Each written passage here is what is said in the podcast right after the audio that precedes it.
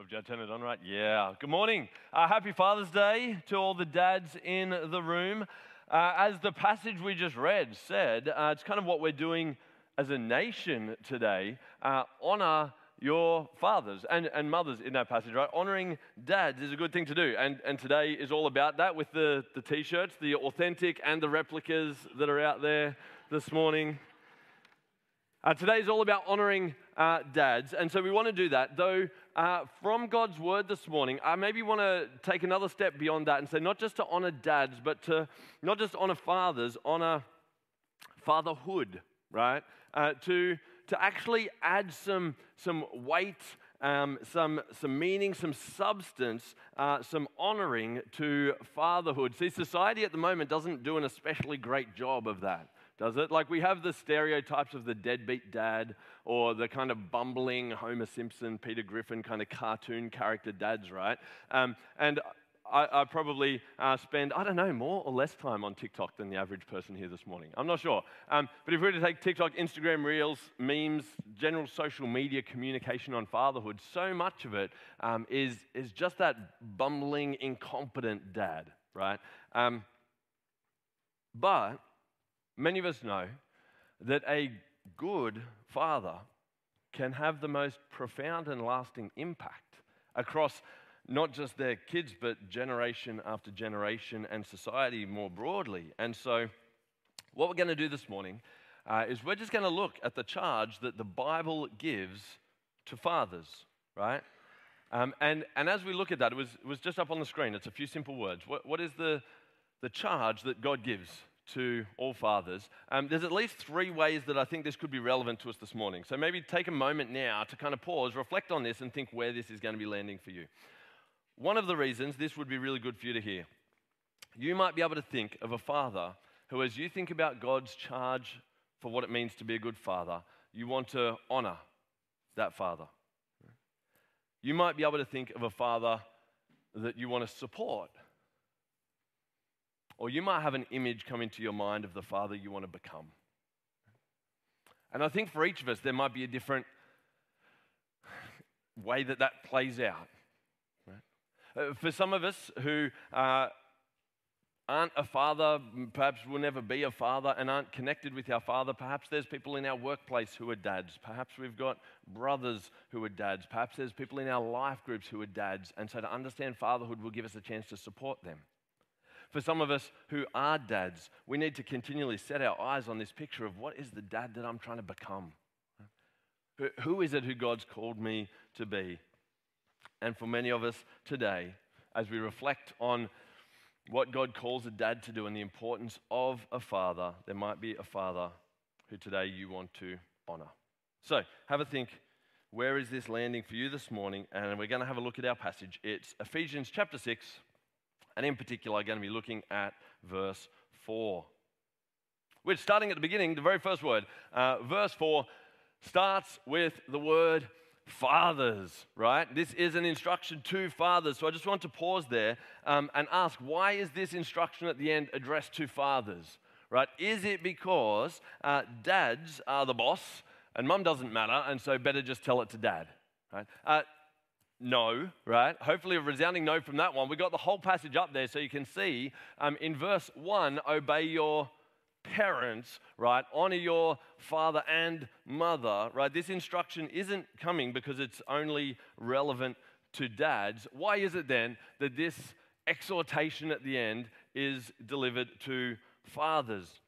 Well, firstly, we do see a, a kind of pattern all the way through Scripture that when God deals with families, when God deals with humanity, He places a responsibility, a, burden of responsibility on the shoulders of fathers for that family.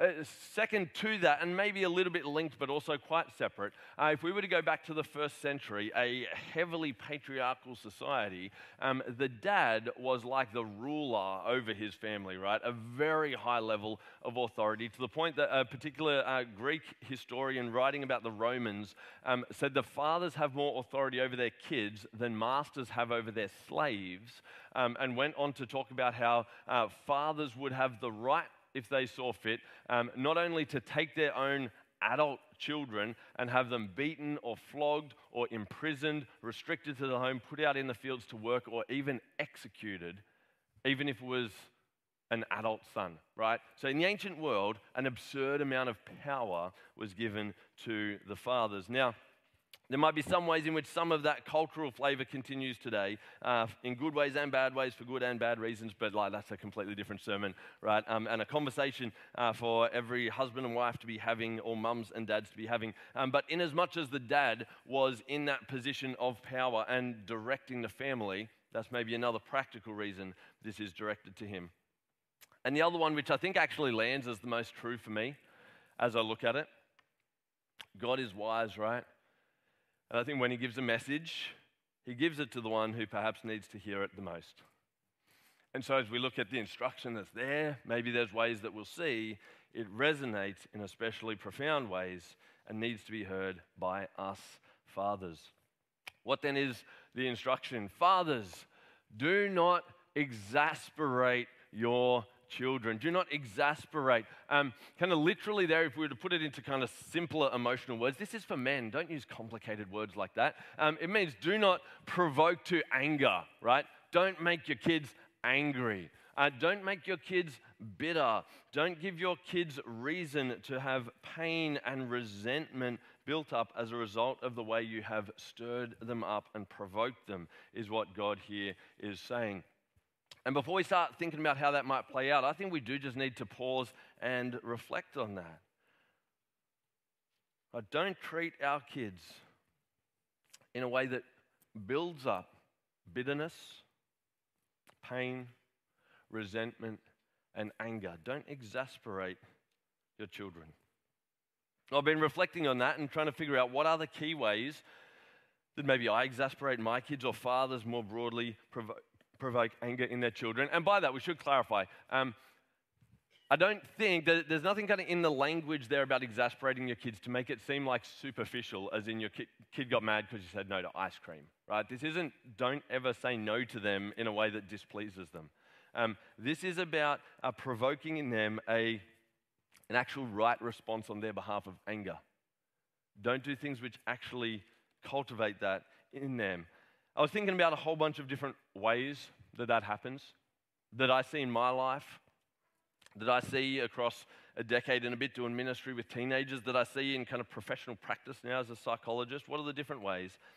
And considering them, so many of them actually came back to one key issue in my heart, in the Father's heart.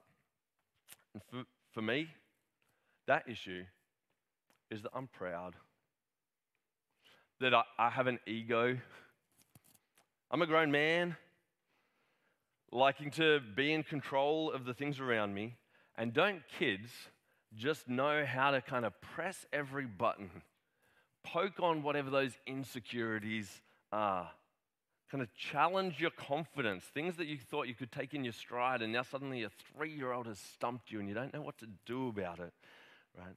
And to do all of those things when you're at your most exhausted, when you're at your most tired, when you're absolutely weary, and there's not much left in the tank. And so, what are some of the ways that that plays out? I, I, was thinking about me, and I wonder if it's a good moment to pause and reflect on some of these dads in the room. And again, just be mindful of this when you're thinking about did, did you have a dad who you want to honor because he, he managed to avoid some of this? You want to support the men around you to be like this, or maybe you want to work on it yourself. Here's what pride kind of comes out like in our fatherhood. Pride means I don't have time for my kids. Pride means the, the thing that I'm doing is, is more important than the, the kid in front of me. Now, sometimes recognizing as adults, we have our own burdens, we have responsibilities, and often we do those out of love for that kid. But I admit there's also times when the, the car in front of me seems more important than the daughter who's inside calling out, right? or the computer game that we're playing is more important than our child. The, the extra time at work for the extra whatever it happens to be, overtime or promotion, can, can seem so important at the time because the focus on our, ourself wins. Right? The, the pride wins, and we don't have time for our kids. That's not the only way it plays out. Sometimes pride means that uh, I don't bother uh, to be consistent or fair with my rules and my justice and my judgment, uh, but kind of just play it a little bit lazy and go with, look, whatever I say goes. And, and there's like a, an ego in that, that I'm in charge, do it because dad said. But there's a exasperation, isn't there? An unfairness, a, a crying out for justice, which, which comes from our kids when we don't honor them enough to put in the effort to say, I'm going to be fair. I'm not going to show favoritism. I'm going to make my expectations clear. I'm going to make my discipline consistent. I'm going to demonstrate justice. What else pride means? Pride sometimes means we hold our kids back. There's a picture that we have for what we want our kid to be like, who we want them to grow up to be, what sort of job we want them to have, what level of success we want them to attain, and we close those fences in around them to try to make them the kid that we've always wanted them to be, rather than seeing who it is that God has made them to be. And sometimes this is the other one that pride drives in me. Pride means we don't apologize when we sin against them. Right? That that we, we fail as dads, right? We do the wrong thing, we sin against our kids. And sometimes pride means we double down, we dig in our heels. Maybe we talk about it to their mum or someone else afterwards. These things and heaps more will lead to appropriate anger in our kids, bitterness in our kids. But in place of that, God calls us to reflect His fatherhood to our kids. Right? So, the father that we want to honor, the father that we want to support, the father that we want to become, is one who has time, right? makes their kids a priority, recognizes that because they love their kids, there are other things which sometimes take them away from their kids, but out of humility has time for their children. The dad that we want to honor and support and become is one who demonstrates and upholds justice, because that's what our Heavenly Father is like, right? Fair and showing no favoritism. Putting that hard thought into what should the rules be, what is the wisdom behind it, uh, explaining that to our children, even though their minds are so small and it can be so hard to get them to understand. Uh, being, being fair in the way all of that is meted out across time. The Father that we want to honor, support, become, desires our kids flourishing wants to see them uh, blossom into whatever it is God has made them to be, not fit the mold that maybe we want them to fit into. But is helping them explore that and, and resourcing them and protecting them and picking them up when they fail, right? Out of our own humility. And the Father that we want to honor, support, or become is humble and models repentance to our kids. This one, just to the dads, I'll, it's worth reflecting on, on that. When, when is the last time that you sat down with your kids and confessed that you sinned against them and asked for their forgiveness? I, I think if the other dads in the room are anything like me, it's got to be at least weekly, maybe daily, maybe that's pushing it, but at least kind of weekly, right, that we let our kids down. And it's never too late. So if that's a historical thing, um, we want to model humble repentance to our children. See, fathers, and we see this in the modern world, don't we? Fathers have a legitimately frightening potential to bring their children down right? through discouragement, through kind of their own ego and pride. What did our passage say? What did God call us to do? Not to bring our children down. What did it say there in verse 4? Instead, bring them up, right? Bring them up. It's worth pausing again, dads in the room, to, to just reflect. And maybe those of you who are thinking about another dad, one to honor or one to support, think, thinking about it in these terms to say, are we fathers who bring our kids down, or are we fathers who bring our kids up? Is there a father who you can honor because as you think about it, he didn't bring you down, he brought you up? Are there men around you who you want to support so that they might not bring their kids down but might bring them up. Well, how is it we do that? How is it that we do that? Bring your child up.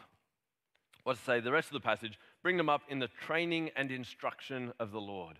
Right? How is it that we raise our children so that they might flourish? How is it that we be that father God has called us to be? We bring them up in the training and instruction of the Lord. Kind of literally there, um, the, the kind of direct translation from the Greek would just say, bring them up in the discipline and instruction of the Lord, right? Which makes sense, right? Because you need to have discipline to do training. Both of those, both training and discipline, are about behavior, aren't they? And then instruction is about belief.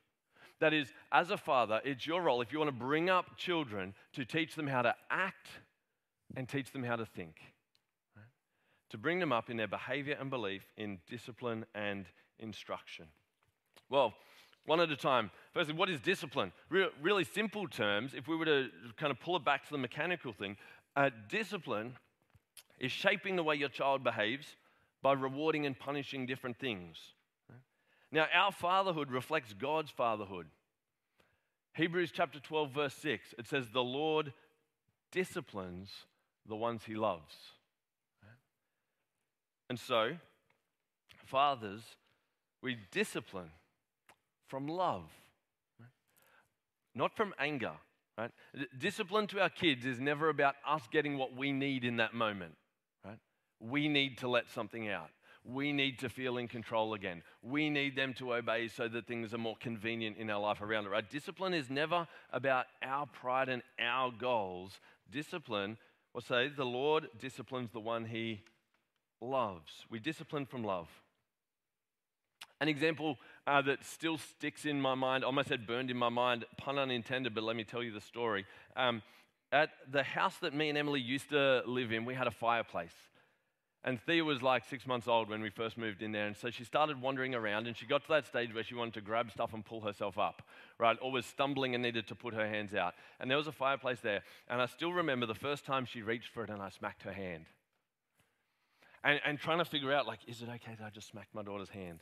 And having to kind of process out what that moment of discipline was like. And you know, here's how it landed as I reflected on it after that. I thought, you know what? This world is full of things that are going to hurt my daughter. Now, my daughters. But there's a way that I can teach them which things to pursue and which things to avoid. And, and sometimes that is actually by metering out a particular amount of pain or discomfort. Now, I don't actually just mean smacking there. There's timeouts and confiscating things. There's our, our words and our tone when we speak to them. There's all kinds of different ways that we do that. But the quest- question that then came to me was if my daughters are going to experience hurt, what would I rather be in control of that hurt? A world that doesn't care about them or the person who loves them? If there's a possibility for, for me to meter out pain as a protective factor so that my daughter doesn't experience more and worse pain, then that's my duty as a father. And that's actually really hard, right?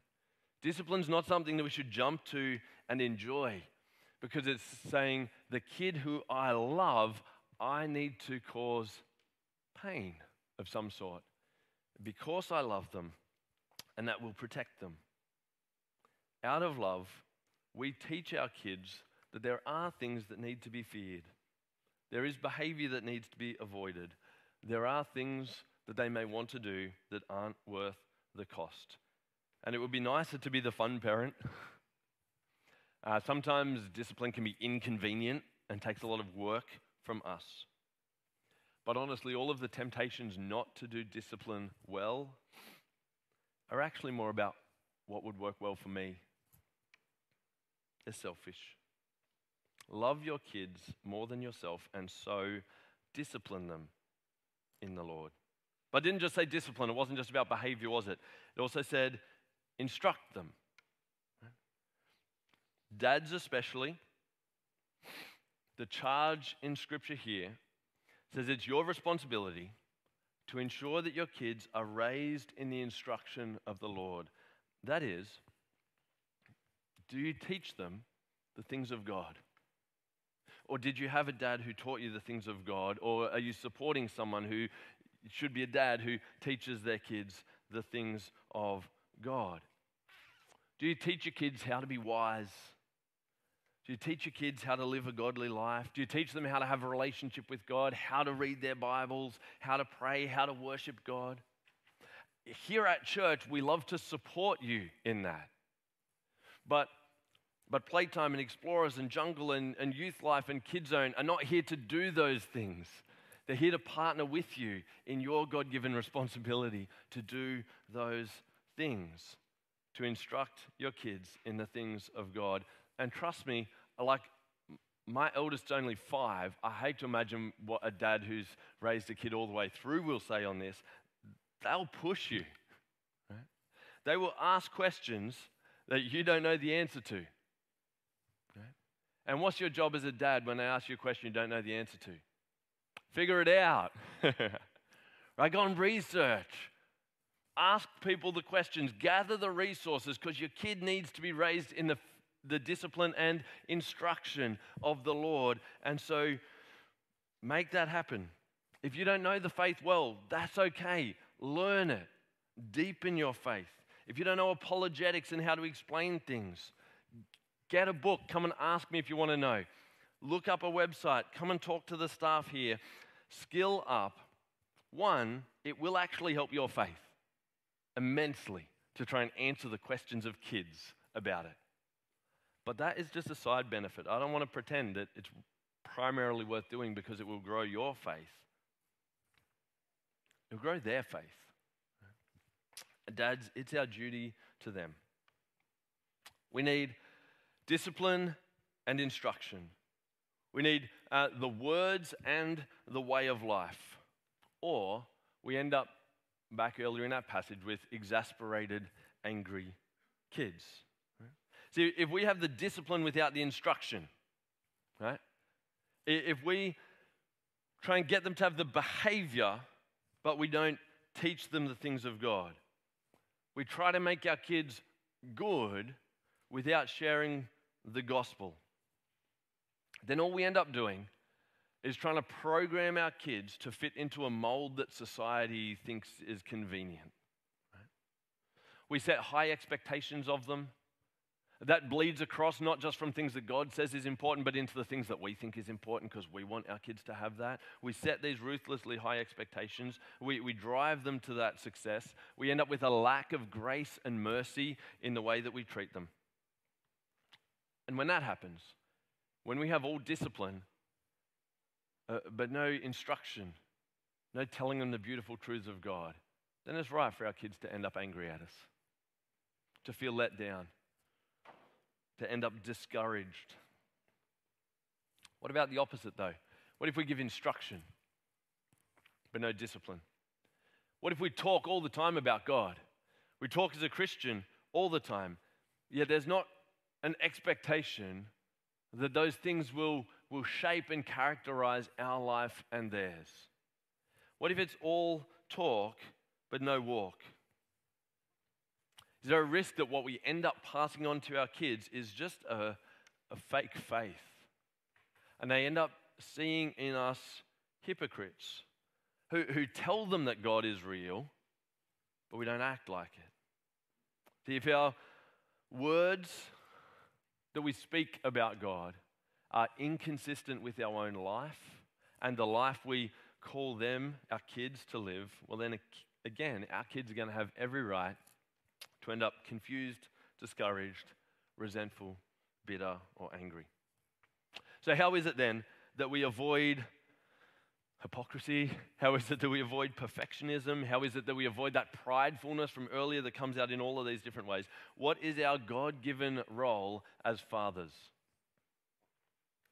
It's to share the beautiful reality of God, to share about the wonder of His creation the depths of his wisdom is to share about Jesus and his grace and his kindness and his gentleness and his mercy to us. To share those things with our kids and to walk humbly and authentically in those truths ourselves and then teach our kids to do the same. Being a father is an incredibly weighty calling. So before I pray, just to finish our time together, this Father's Day, as you think about that weighty calling, how much impact a father is called to have, I just want to give you guys 30 seconds to take that moment to reflect on which of those three is landing for you this morning and what you're going to do about it. Is there a father who, as you think about that calling that God gave to him, you want to honor him today? Is there a father who you know who, as you think now about the burden God's placed on him, you want to support him? Or did you get a new and sharper picture of that father who you want to become? Take 30 seconds, have a think which one of those it is for you, and then I'll pray to finish our time together.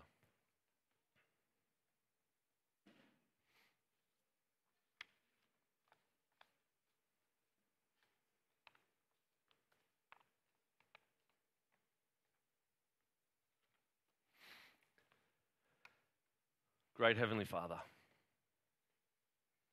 uh, Lord, all of us who have the privilege of being fathers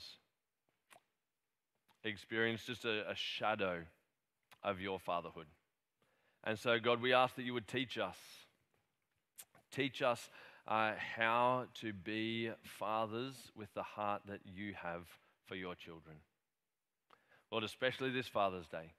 I pray that you will help all of us to rightly consider the fathers that today we're going to honor, the fathers that moving forward we want to support, and the fathers that we want to commit to become. I ask that in Jesus' name. Amen.